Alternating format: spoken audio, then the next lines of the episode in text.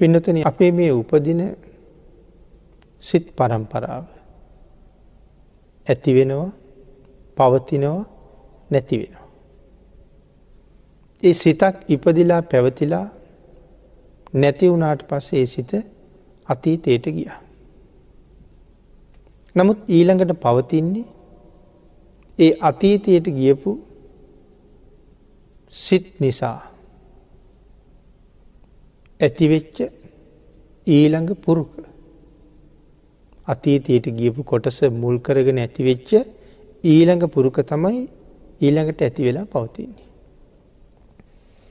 එහෙම නං මෙන්න මේ සිතයි සිතුවිලි රූපයයි එක මොහොත්තකදි හමුවෙලා නිරුද්ධ වෙලා යනවා නැවත කවදාවත්ම හමුවෙන්නේ හමුවෙන්නේ නෑ. ඒ නිරුද්ධ වෙලා ගියපු සිතයි සිතවෙලි රූපයි නිසා ඇති වෙච්ච ඊළඟ පුරුක මත ඊළඟට අපේ ජීවිතේ රඳා පවතිනවා. ඊළඟට හමුවෙන්නේ ඒ සිතයි සිතවිලි රූපයයි නිසා හටගත්ත ඊට සමානයි කියලා අපි හිතන තවත් ධර්මතා ප්‍රමාණයක් බවයි සඳහන් කළේ. නමුත් පින්නතුන මුල් ධර්මතාවයන්ගෙන් සදහටම වෙන්වීමක්. මුලින් තිබිච්ච ධර්මතාවයන්ගෙන් සදහටම වෙන්වීමක්. මේ චුති චිත්තයේදීත් අපට ඇති වෙන්නේ එයමයි. මුල් ධර්මතාවයන්ගෙන් සදහටම වෙන් වුණා නමුත් ඒ ධර්මතාවයන් නිසා ඇතිවෙච්ච ඊළඟ පුරුක මත අපි ජීවත් වුණා. චුතිචිත්තය කියල කියන්නේ මේ ජීවිතය පහළ වෙන අවසාන හිත. චුතිචිත්තයේදී වෙන්නෙත් ඒකම තමයි. මුල් ධර්මතාවයන්ගෙන් සදහටම වෙන්වීමක්. මි චුතිචිත්තය අපට ඇතිවෙන්නේ මෙන්න මේ ආකාරීනුයි කියන කාරණාව සිහිපත් කරලා ඊළඟ ප්‍රතිසන්ධිචිත්තය අපි සඳහන් කලා චුතිචිත්තය කිවේ මේ භවයේ අන්තිම සිත. අලුත් භවයේ පළවෙනි සිතට කියන්නේ ප්‍රතිසන්ධිසිත කියලා. එහෙම නම් මෙතන සඳහන් කළා මේ ප්‍රතිසන්ධි චිත්තය උපදින්නේ එතනම නෙමේ. දැන් කලින් අපේ සිත් අතීතයට ගියා එහි ඊළඟ පුරුක එතනම ඉපදුනා. ඒකන අපි මෙහෙම ඉන්නේ. වේගෙන් සිත් උපදිනවා ඒ සිත් පවතිනවා ඒ සිත් නැතිවෙනවා එතන මාය සිත් උපදිනවා ඒ සිත් පවතිනවා ඒ සිත් නැතිවෙනවා එතන එතනම ඉපදෙන නිසා අපි එක දිගට පවතිනවා වගේ අපිට පේනවා. නමුත් චුතියදි වෙන්නේ ඒ නැතිවෙලා යන සිත නැතිවෙලාම යනවා නමුත් ප්‍රතිසන්ධි චිත්තය ආය ඇතිවෙනවා ඒ මේ පංචස්කන්දීර්මි. ඒහින්ද වෙනත් තැනක තමයි උපදින්නේ. නමුත් ඉතාමත් කලාතුරකින් එතනම උපදින අවස්ථා තියෙනවා. චුතිචිත්තේදී ඊළඟ සිත එතනම ඉපදුනේ නැතිහින්ද තමයි මැරුණ කියල කියන්නේ. තැන් අපි මෙහෙම ඉන්නකොටත් අපි කියන්නේ මැරි මැරි මැරිමැරි ඉපදෙනවා කියලා. සිවුම විග්‍රහ කරනකොට අපි එහෙම කියනවනේ. මීට මොහොතකට කලින් දැක්ක කෙනා නෙමෙයි මේ දැන් දකින්න කියල අපි කියනවනේ. ඊට වඩා හාත් පසිම වෙනස්.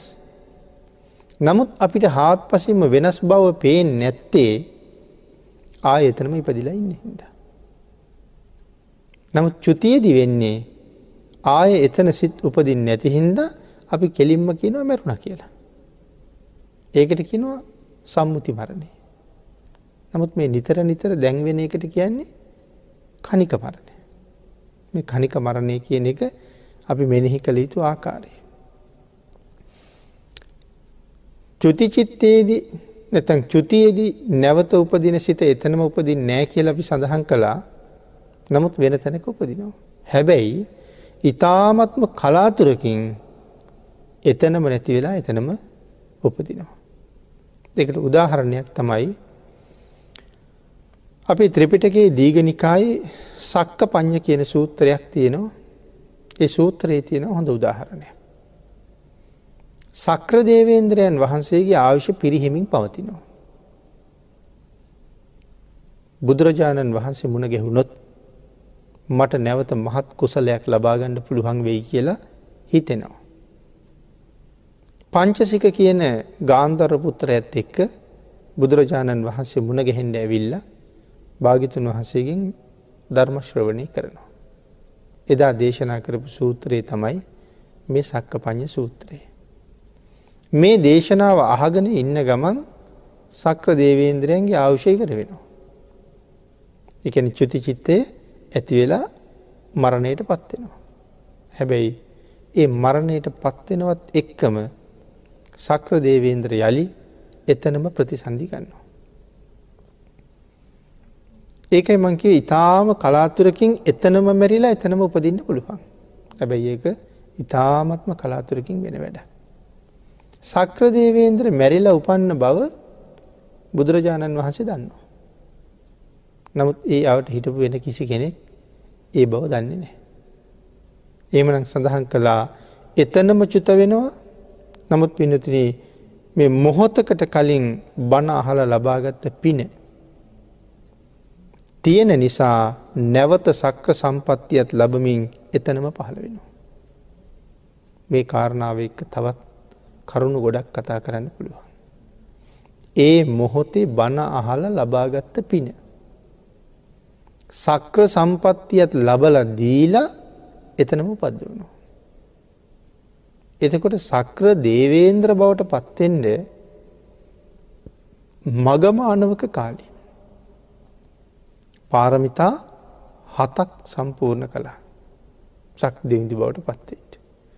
ඒවා ඉතාමත්ම අසීරු පාරමිතා. අබුද්ධෝත් පාද කාලයක පාරමිතා හතක් සම්පූර්ණ කලා සක් දෙවිඳුවෙන්ඩ. නමුත් බුද්ධාන්තරයක එක බණක් හරියට අහපු නිසා එතනම සක් දෙවිඳු වෙලා ඉපදෙන්ට පුළුවන් වුණා. එනම් ඔබටත් මටත් හම්බ වෙලා තියෙන්නෙත් ඒ උතුම් බුද්ධාන්තරයම තමයි. බුදුරජාණන් වහන්සේ දේශනා කරපු නිර්මල ධර්මරත්නය අදත් කිසිම අඩුවක් නැතුව ලෝකෙ පවතිනවා. ධර්ම ශ්‍රවණය කරනකොට මනාව ශ්‍රවණය කරනවා කියන එක කොයි තරං වටිනවද කියන කාරණාවත් මෙතනින් අපිට පැහැදිලි කරනවා. එමන අපි සඳහන් කලා සක්‍ර දේවේන්ද්‍ර චුත වෙලා නැවත උපන්න බව දන්නේ බුදුරජාණන් වහන්සේ. ඊළඟට අනික් හැමෝටම පේන්නේ සක්‍ර දේවේන්ද්‍ර එක දිගටම එතන ඉන්නවා වගේමයි. නමුත් සඳහන් කලා නමුත් මෙ සිදුවීම් ලෝකෙ පරම දුර්ලභ කාරණ කියලා. නමුත් අපි මරණයට පත්වනොත් එහෙම උපදින්නේ නෑ. මෙහෙන් මරණයට පත්වෙලා නැවත මෙතනම උපදිනව නෙවෙයි සමහර වෙලාවට සක්කොලවල් සිය ගණන් ඈත කොහෙ උපදීද කියලවත් දන්නේ. නිරේක වෙන්න පුළුවන්.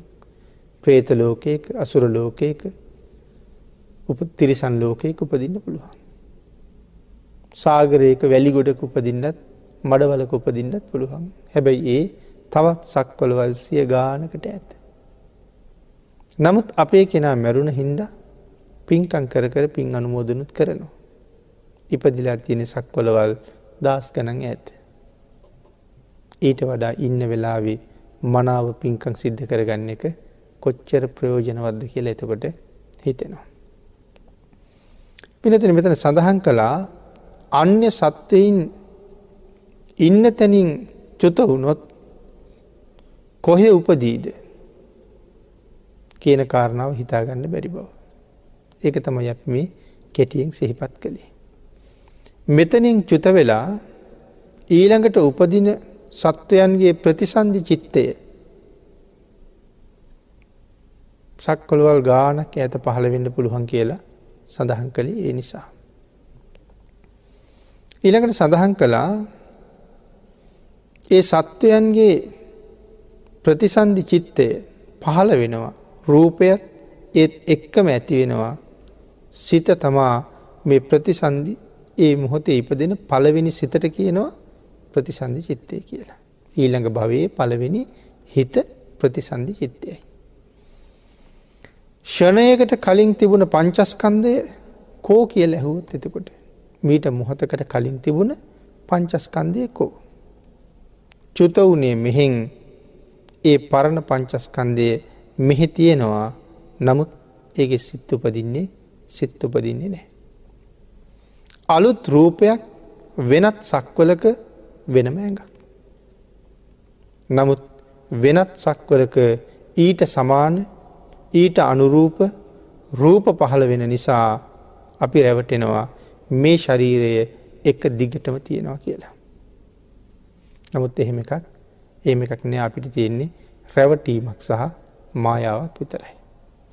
සබ්බේපි සදිසා කන්දා මරණ සතිය වඩන්ඩ හොඳින් මේ ධර්ම කාරණාවන් මෙනෙහි කරන්න අවශ්‍යයි කියල සඳහන් කළා. සබ්බේපි සදිසා කන්දා. එනම් මරණ සතිය වඩන්ඩ හොඳින් මෙනෙහි කරන්න ඕන අපූරු කාරණාවක් තමයි මෙතන මේ පැහැදිලි කරන්න. යම් කෙනෙක් මැරෙනව නම් ඒ වගේම යමෙක් දැන් ජීවත් වෙනව නං ඒ දෙදෙනගේම පංචස්කන්ද සමානයි. යම් කෙනෙක් මැරෙනවා තව කෙනෙක් ජීවත්වෙනවා. ඒ දෙන්නගෙම පංචස්කන්ද සමානයි කියල මෙතන සඳහන් කරනවා.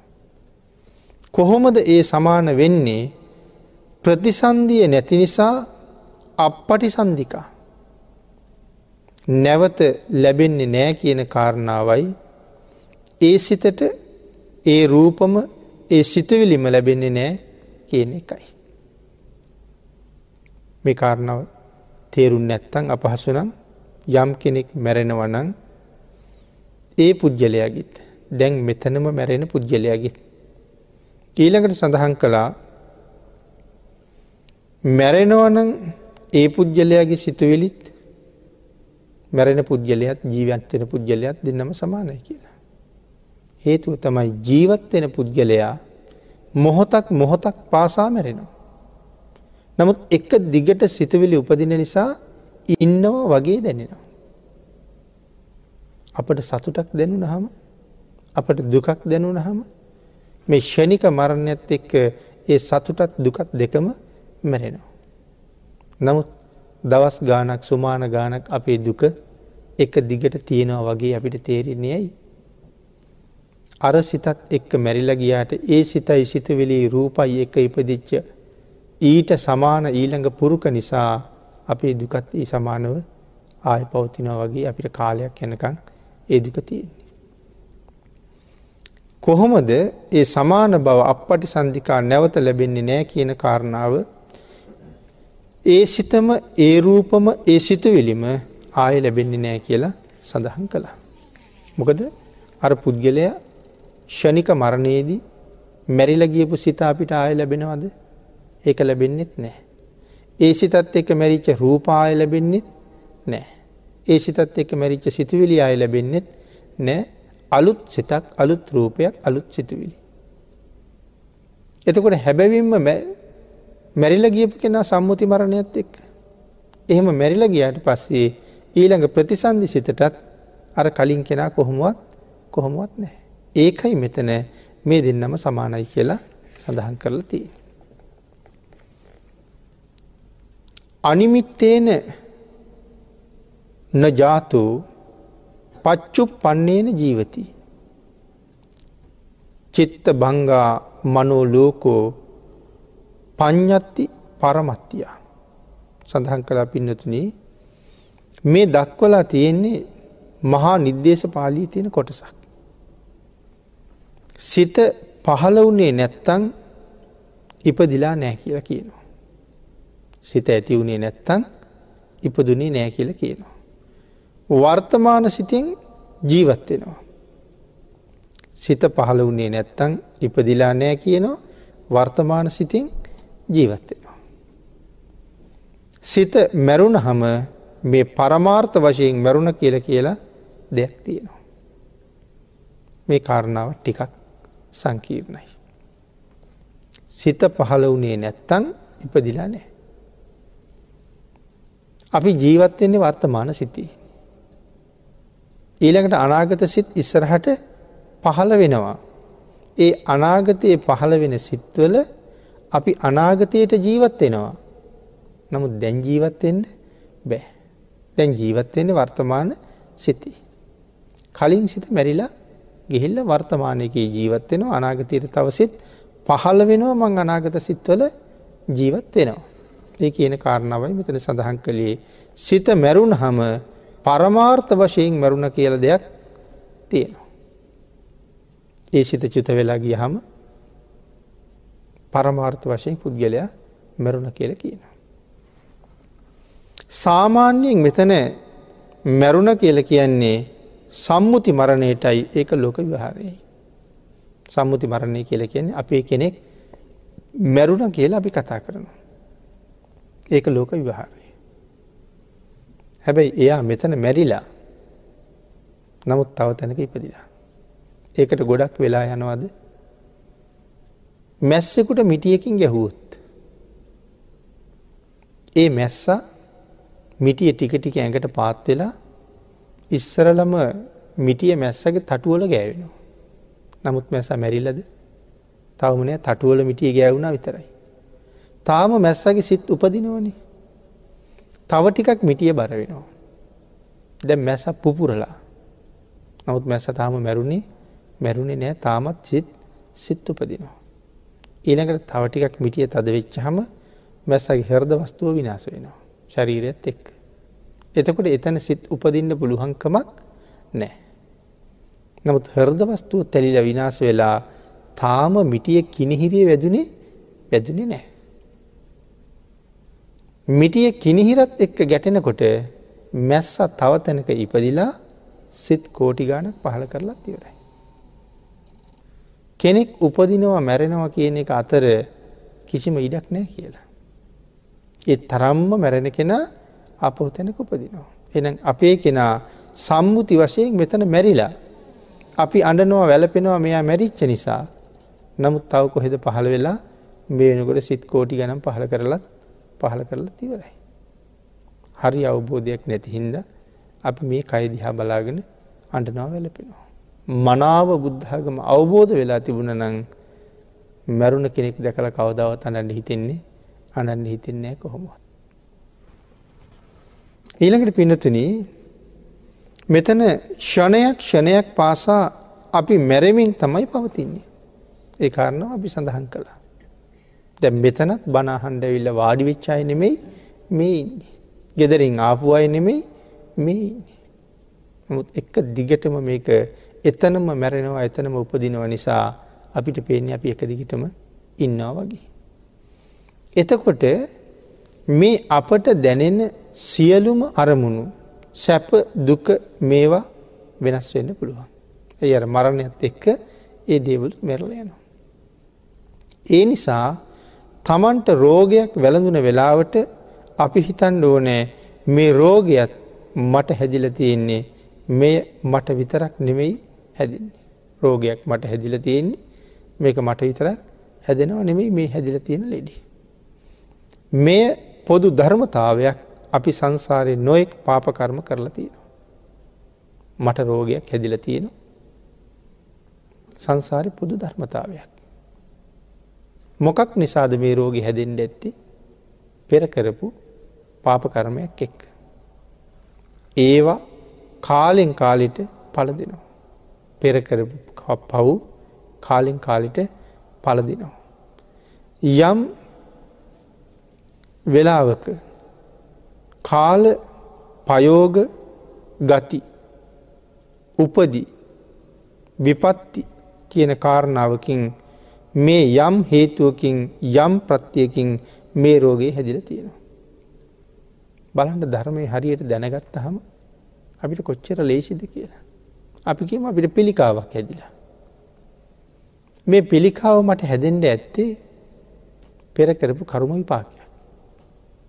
එතකොට ඒ පෙර භවයක රැස් කරපු අකුසල කර්මය විපාක දීල තියෙනවා. ඒක විපාක දුන්නේ මේ භවී. මේකට හඬලා වැලපිලා ශෝක කරලා පශ්චත්තාපයට පත්වෙලා කල්පනා කරලා දුරුවල වෙලා යනවට වඩා මමම පෙර රැස් කරගත්ත දෙයක් මට විපාක දීල තියෙනවා. නමුත් මේවාගේ විපාක දෙන්ඩ ආය සංසාධි කරුම රැස් කරන්න නැතුව ඉන්ඩෝන කියන කාරණාවට මනාවේල බෙන්ඩ පුළුවන්. ආං එහෙම හිතහම ඒ පුද්ගලයට හරි නිදහසක් තියෙනවා. අපි වාගිතුන් හසක සූත්‍රයක දේශනා කරන්නේ සල්ල සූත්‍රයේ. ධර්මය දන්නේ නැති අශ්ෘතවත් පෘතද්ජනයට ලෙඩක් හැදුන හම උල් දෙකක් ඇනෙනවා. එකක් තමයි රෝගය එක උල්ලක් එක ඇඟට හැදිල තියෙනවා. රෝගය නැමති උල ඇගේ ඇනිලා. තව උලක් ඇනිල තියෙනවා හිතට මටමද මෙහෙම වෙන්නේ. මම්මද ලෙඩ වෙන්නේ. ආං එහෙම දැන් හිත්වේ දෙනාවකුත් තියෙනවා. දැන් රෝග වේදනාවත් තියෙනවා හිතේ වේදනාවත් තියෙනවා. නමුත් මනාව ධර්මශ්‍රවණය කරලා සංසාරි ගැන කරුණු කාරණා දන්න කෙන එයාට ඇඟට උලක් එනිල තියෙනවා රෝගී නමුත් හිතට උලක් ගැනෙන්නේ මේක තමයි සංසාරය හැටි. වෙන කවුරුවත් කරපුවා නෙමෙයි මම කරපුවාමයි මේ විපාක දෙන්න කියලා හොඳට අවබෝධ කරගෙන ජීවත්වෙනවා. ඒකට උපේක්ෂාවෙන් යුක්තව මුහුණ දෙනවා. එහෙමනම් පින්නතන ඒ හේතුව හෝ ප්‍රත්තිය මෙතන සඳහන් කළා නැවත ඇති වෙනවද පවතිනවද මේ රෝගය දිගින් දිගටම තියෙනවා. හේතුවයි ප්‍රත්තියයි නැවත නැවත ඇතිවෙනවද පවතිනවද රෝගය දිගින් දිගට දිගින් දිගට තියෙනවා. නැත්තං මේ සිත ඉපදිලා මැරල යනකට රෝග ඇත්ත හෙමම මෙරල යනවා. නමුත් නැවත නැවත ඇතිවෙන හින්ද ඒ රෝගයත් පවතිනවා. යම් වෙලාවක මේ හේතුව වූ ප්‍රත්තිය වෙනස් වෙනවද මේ රෝගයේද වෙනස් වෙනවා. ප්‍රත්තිය වෙනස් වෙනවන රෝගයක් වෙනස් වෙනවා. මේ රෝගය හැමදාම තියෙන්නේ නැතුව යනවා එහෙම වුණු. රෝගය හටගණ්ඩ හේතුවන ප්‍රත්තිය. ප්‍රතිකාර කරලා අපි සමහරලාට හේතුවන ප්‍රත්තිය වෙනස් කරනවා. එතකොට කියනවා දැන් සනීපයි කියලා. නැවත නැවත ටික කාලයක් තියෙන්ඩත් පුළුවන් ඉතා උත්සන්න වෙන්නත් පුළුවන් රෝග තත්ත්වය. ඒ සියල්ලම අතීත හේතුවේ ප්‍රතිඵලයයි කියන කාරණාව මනාව දැනකණ්ඩුවනේ. විවිධ කරුම රැස් කරලා තියෙන නිසා හේතුව වෙනස් වුන හම පලයක් වෙනස් වෙනවා.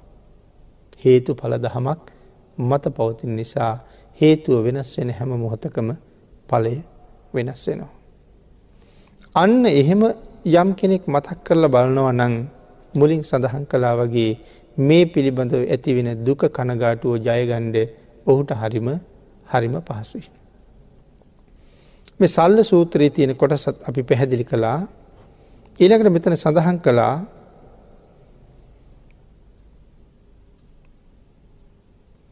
ගුණවත් ආර්ය ශ්‍රාවකයට කවදාවත් අසනීප වුණහම ඒ පිළිබඳව දුකක් නම් දැනෙන්නේ දැනෙන්නේ නෑ කියලා ආර්ය ශ්‍රාවකයන්ට කොහොමත් දුකක් දැනෙන්නේ. හේතුව තමයි ආර්ය නූනත් මනාව ධර්මය දන්නවනම් එයා දුකක් ලබන්නෙත් නෑ. ඇයි සසර පිළිබඳව මනා දැනුමක් සහ මනා අවබෝධයක් තියෙන හින්දා. අපි විසින්ම රැස් කරගත්ත දේවල් අපිටම විපාක දෙන නිසා. නමුත් සඳහන් කළා තමන්ට යම් දුකක් ඇති වෙනවනං තමන්ට හිතාගන්න පුළුවන්නන් තමන් ශෘතවද්ද අශ්ෘතවද්ද කියලා. අපිට අපි ගැන මැනගණ්ඩ තියෙන වෙලාවක්. යම් ලෙඩක් දුකක් කරදරයක් වෙච්ච වෙලාවේ මට දුකක් දැනෙනවන. ඇත්තටම මම තාම එහිනම් බුදුරජාණන් වහන්සේගේ ධර්මය තුළ හරියටම හික්මිලා නෑ. දුකක් දැනෙනවන. ඒ හැම දෙයක්ම උපේක්ෂාවෙන් ඉවසන්ඩ පුළුවන්නන් ඔහු මනාව ධර්මය තුළ හික්මිච්ච කෙනෙක් කියලා කියන්න පුළුවන්කම තියෙනවා. මනාව ධර්මය දැක්ක කෙනෙක් එයා හැම දෙයක්ම උපේක්ෂාවෙන්ම බලනවා. ඊළඟට පින්නතුන මේ කාරණාව විශේෂයෙන් විස්තර කරනවා මේ ජවන හංස කියන ජාතක කතාව. මොන කාරණාවද ජවනහස් ජාතක විශේෂයෙන් විස්තර කරන්නේ මේ සත්වයාගේ උපත සහමරණය මොන තරං වේගින් සිද්ධ වෙනවද කියන කාරණාව. ඒ වගේම සංයුත්ත නිකායේ නිධාන වර්ගයන දල්හ දනුග්‍රහ සූත්‍රයේ විස්තර කරනවා. දල්හ දනුග්‍රහ සූත්‍රයට සම්බන්ධයි ජාතක පාලී තියෙන ජවන හංස කියන ජාතකය. මේ ජවන හංස ජාතකය පිළිබඳව කරුණු බොහෝ දෙනා අහල තියෙන පුළුවන් අපේ මහ බෝසතාණන් වහන්සේ බෝධිසත්ව ධර්ම සම්පූර්ණ කරන කාලි චිත්‍රකූට පර්වතයේ හංසයෝ අනු හයදාහකට රජු වෙලා උපදිනවා. එක දවසක් තමන්ගේ පිරිසත් එක විලට ගිහිල්ල කෑම කාලායිනවා. හංස රජ්ජුරුව ප්‍රධාන කරගෙන අනු හයදාහක් කන්සියෝ අහස පියාඹල යනවා. බරණස් රජ්ජුරුවම එක දැක්කා. බරණස් රජ්ජුරුවන්ට හිතෙනවා මේ හංසයන්ටත් මම වගේම රජෙක් ඇති. මේ රටේ ජනතාවට මම රජ්ජුරු. ඒවාගේ මේ හංසයන්ටත් මම වගේම රජෙක් ඇති. ඒ රජ්ජුරුවන්ට උපහාර දක්වන්න ඕනේ.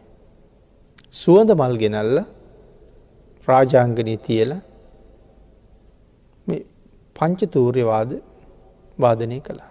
පංචතූරනාද වාදනය කළා. ඒ හංස රජ්ජුරුවන්ට ඇහෙන්ඩ ඇතම් බලන්න එන මේ පැත්ත.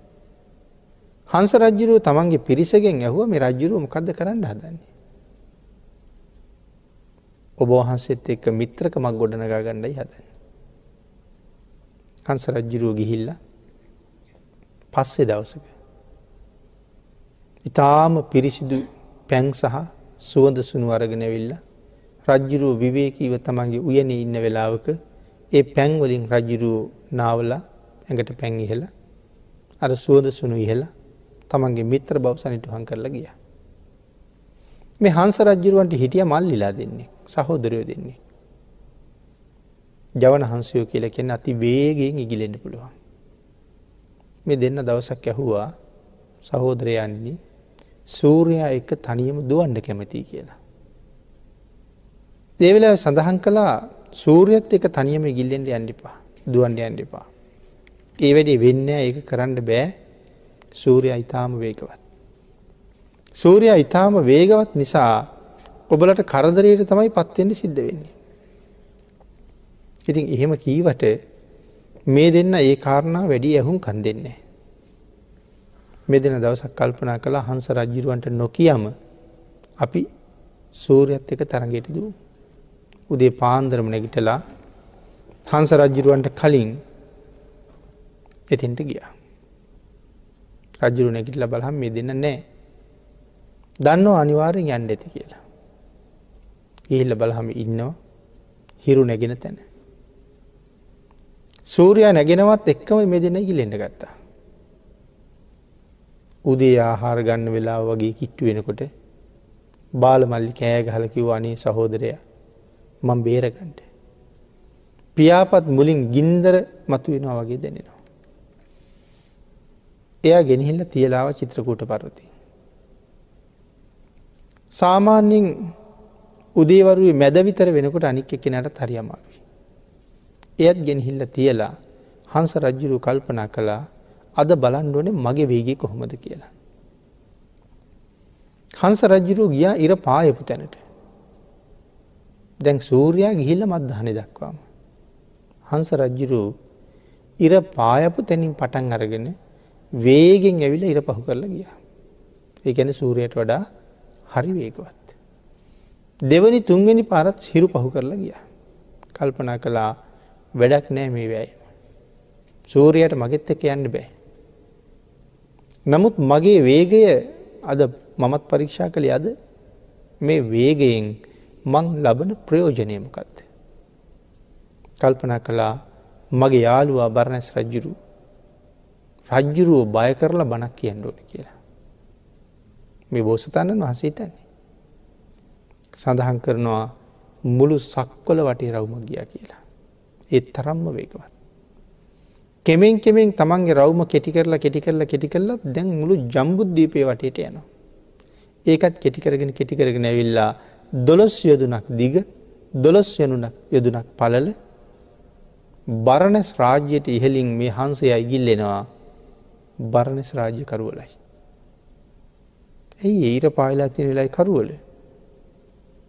දොළොස් යොදුන් බරණ රාජ්‍ය උඩ මේ හන්සයා වියනක් බැඳවගේ. ඒ තරං විශාලද නැහැ. බරණැස් රාජ්‍ය වටයට රවුමක් ගිහිල්ල එනවා හිරු රැස්වලට පොළොවට පතිත වෙන්න දෙන්නේ නෑ. අපිට ඒ වේගෙ තේරෙන්න්නෙත් නෑ මේ හන්සයා ආලෝකයට වඩා වේගවත් කියලයි කියලතින්නේ. අද ලෝක තියෙන වේගවත්ම දේ ආලෝකයන්නේ. මේ හන්සයා ආලෝකයටත් වඩා වේගවත්. පස්ස රජ්ජරුගාවට යනවා. රජ්ජුර ඉතින් බොහෝම ආගන්තුක සත්කාර ඉතාමත්ම ඉහලින් කරලා කරුණු කාරණා කතා කරනකොට හිරුත් එක තරගෙට දුවලාව බරණැස් රාජ්‍ය මොහොතකට කලින් කරුවල කළේ මමයි කියලකිවා. රජ්ජුරු ඒවෙලා කිව යාළුවේ උඹේ වේගේ මට පෙන්න්නට බෑද කියලා. මහරජ වැඩක් නෑ එක පේෙන් නෑ පෙන්නුවට. ඉති රජ්ජුරුවගෙන් බේරෙන්ඩුම් බෑ හෙම කීවට. වේගෙ පෙන්නන්න මෝනේ. ඊට පසිකිව එහෙනම් ගල් ටැපක් ගෙනල්ලා රාජාංගනය හිටවලා අති දක්ෂ දනුද්දරයෝ හතර දෙනෙ ගල් ටැඹේ හතර පැත්ති හිටවලා අක්කන වේදී දනුද්දරයෝ අකුන් වෙලියෙන් විදින්ට දක්ෂයි. මේ හතර දෙනාට කියන්න තමන්ගේ උපරිම ශක්තිය යොදලා හතර පැත්තට ඊතල හතරක් මුදාහරින්න කියලා. මම එක ඊතලයක්වත් බිම වැටෙන්ට දෙන්නතුව ගේනවා කිවා. රජ්ජුරුව එහෙම කළා දනුද්දරයෝ හතර දෙනත් එතන් රැස් කලා එකම පාරට ඊතල හතර විදින්ට කිවා හතර පැත්තට. හන්සයා ගෙජ්ජයක් ඇගේ බැඳගෙන එතන ඉන්න මොකද ඉගිලෙන වේගේ රජ්ජිරුවන්ට පේන්නේ නවත් හඬ ඇහෙනවා. පළවෙනි ඊතලේ ගිය ඊතල් හතරම කර තමයි විදින්නේ. පළවෙනි දුනුවායගේ ඊතලේ පිටි පස්සෙන් ගියා ඒ අරගත්ත බිමවැටෙන්ට කලින් ගෙනල්ල එයාගේ පයපාමුල තිබ්බා. දැ මෙයත් එක්කම තමා අනි කතර දෙනාම විද්දී. මේ ඊතලේ ගෙනල්ල පයපාමුල තියල්ල දෙවනි ඊතලේ පස්සෙන් යනවා. ඒකත් ගෙනල්ල පයපාමුලින් තියල තුන්ගෙන එක පස්සෙන් යනවා වැටෙන් ඉස්සල්ල ගන්නවා. ඒකත් ගෙනල්ල පය පාමුල තියලා හතරවෙන ඊතලේ පස්සෙන ගිහිල්ලා වැටෙන් ඉස්සල්ල හුලගෙනනවා. ආපහු ආපහු ඔය උදාහරන්නේ හිතන් ඕන මෙයා මොන තරම් වේගවත් ඇද කියලා.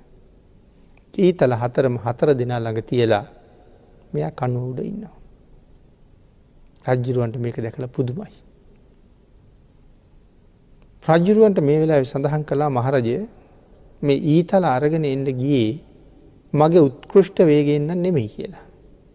මගේ උපරිම වේගෙන මෙයි ඒක. මගේ මධ්‍යම වේගයක් නෙමෙයි ඒක. ඕක තමයි මහරජය මම යන මගේ සාමාන්‍ය ගමන. සාමාන්‍ය ගමන වේගයයි මේ පෙන්න ලතිී. රජ්ජුරු ඇහුව මහරජය එතකොට ඔපී උත්කෘෂ්ට වේගය කොහොම ඇත්ද. හංස රජ්ජුරු සඳහන් කළා මහරජතුමනි මගේ උත්කෘෂ්ට වේගේ ඔබට තේරෙන්නේ රජ්ජුරු ඇහු හන්ස රජ්ජුරුණි ඔබේ උත්කෘෂ්ට වේගේට වඩා වේගවත් දේවල් ලෝක තියනොද කියලා. මොනවහනවද මහරජ්‍ය. මගේ උත්කෘෂ්ට වේගේ මොකක්ද. ඒකට වඩා සිය ගණන් වැඩියෙන් වේගවත් දෙයක් ලෝක තියෙනවා. මගේ උත්කෘෂ්ට වේගට වඩා සියක් ගුණයකට වඩා වැඩියෙන් වේගෙන් යන දෙයක් මේ ලෝක තියෙනවා. රජ්ජුරු කල්පනා කළ ඒක මොකක්ද කියලා. රජ්ජුරුවන්ට තේරෙන්න තිහින් දැහුව ඒ මොකක්ද කියලා. සඳහන් කලා මහරජය මගේ උත්කෘෂ්ට වේගයට වඩා බොහොම වේගෙන් ඉපදුන සත්වය ළඟට මරණයනවා කියලා. ආංගේ වෙලාවි බරණස් රජ්ජිරුවන්ට සිහිනැතු වැටුණ. ඒ තරං මරණය වේගවද්ද කියලා. රාජපුරුෂෝ මූනට පැංගිහෙල රජ්ජුරු නැවත අවදි කළා. අවදි කරහම ඇහුවා හංස රජ්ජුරුවනී ඒ තරං වේගෙන් මරණය අපි හොයාගෙන එනවනං සතුටින් බයනැතුව මරණයට මුහුණ දෙන ක්‍රමයකුත් ලෝක තියෙනද කියලා. සඳහන් කළා ඇයි නැත්ති මහරජ. එහෙම ක්‍රමයකුත් ලෝක තියෙනවා. කොහොමද මොකක් දෙය කිය ලැහුවා. මහරජය දසා කුසල් වලින් වලකින්ට.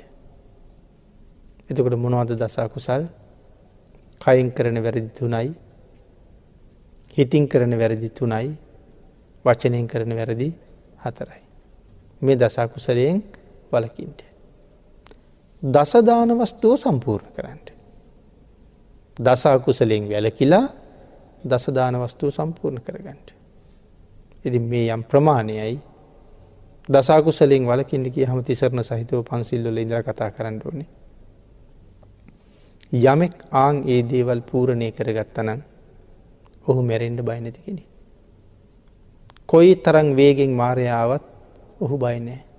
මොකද තමන් නිවන් දකින්නේ කවද්ද. ඒ නිවන් දකින තුරුම සංසාරි ගැන මනාව සැලසුම කරලා තියෙන්නේ. එතකොට තමයි තේරෙන්නේ මේ ජීවිතය කොච්චර වටිනවද කියලා. කවද නිවන් දැක්කත් කමක් නෑ. ඒ නිවන් දකින තාක්කල් උපදින්නේ කොහෙද කියන කාරණාව සැලසුම් කරනවා.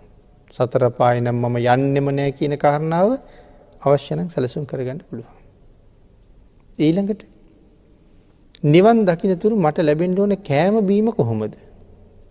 ඇඳුම් පැළඳුම් කොහොමද. යානවාහන කොහොමද. ගෙවල්දරවල් කොහොමද. දවාදරුව කොහොමද. ස්වාමි භාරියාව කොහොමද. මේ දේවල් පවා මනාව සැලසුම් කරන්න පුළුවන් මේ ජීවිතය ඇතුළි.